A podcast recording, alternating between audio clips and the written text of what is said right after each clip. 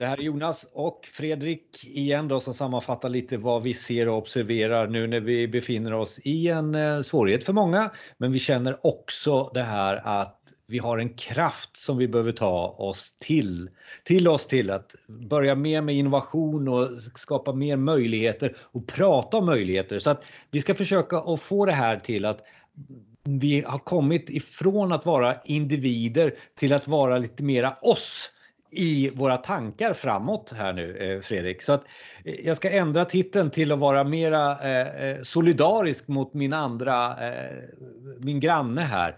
Och jag ska försöka hjälpa större organisationer till stora grejer. För det är väl så att vi kan hjälpa till med allting nu när det gör lite ont? Absolut, vi kan ju hjälpa till med mycket bara vi förstår vilket värde som vi kan tillföra. Eh, och det är det som är, är, intressant. Om man tittar på större organisationer eller i det här fallet ett, ett, ett samhälle som Sverige är. Eh, så, så om vi tittar på varje individ som en nod som kan hjälpa till till något större. Eh, så, så eh, har vi ju tidigare haft historiskt sett ett, ett system för, för, eh, för blodgivare, ett system för, för frivilliga, eh, Läkare utan gränser. Eh, men det som man ser nu i samhället när det börjar göra ont, det är att hjälpen kanske kommer eh, att behövas på ett oväntat sätt. Som till exempel vilka, vilka äger en 3D-skrivare? Vilka kan, vilka kan hjälpa till att, att tillverka en, en, en manik eller ett visir eller ett skydd för vården som ligger i kris just nu? Eh, vilka besitter medicinsk kompetens egentligen i närheten av ett sjukhus? Vilka kan hjälpa till? Hur når vi de här människorna? Hur, för, hur får vi dem att förstå att det finns ett, ett problem som de kan hjälpa till i och hur de kan hjälpa till i det?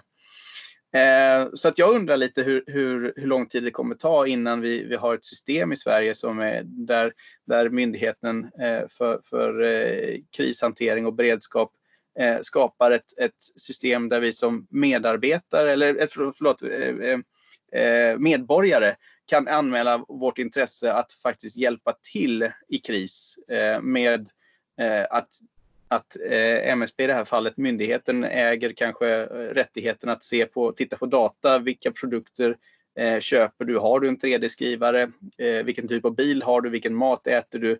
Eh, och sådana saker som, som vi blir lite rädda för, för det är lite integritetskränkande. Men vi, vi, vi förlitar oss på att MSB hanterar vår data på ett säkert sätt för att i kristider ha möjligheten att nå ut till oss via sms eller på något sätt och säga, berätta för oss hur vi kan hjälpa till i närområdet eh, för att vi faktiskt, vår, vår förmåga behövs. Eh, ja. Men samtidigt är det väl så här också att eh, jag betalar ju skatt. Det här ska ju myndigheten fixa. Det ska ju staten redan ha fixat eh, det här. Så att vad, vad, vad är det jag kan bidra med? Hur solidarisk ska jag vara? Mm. Kan det ha ändrat på sig nu också? Det är där jag funderar. Ja.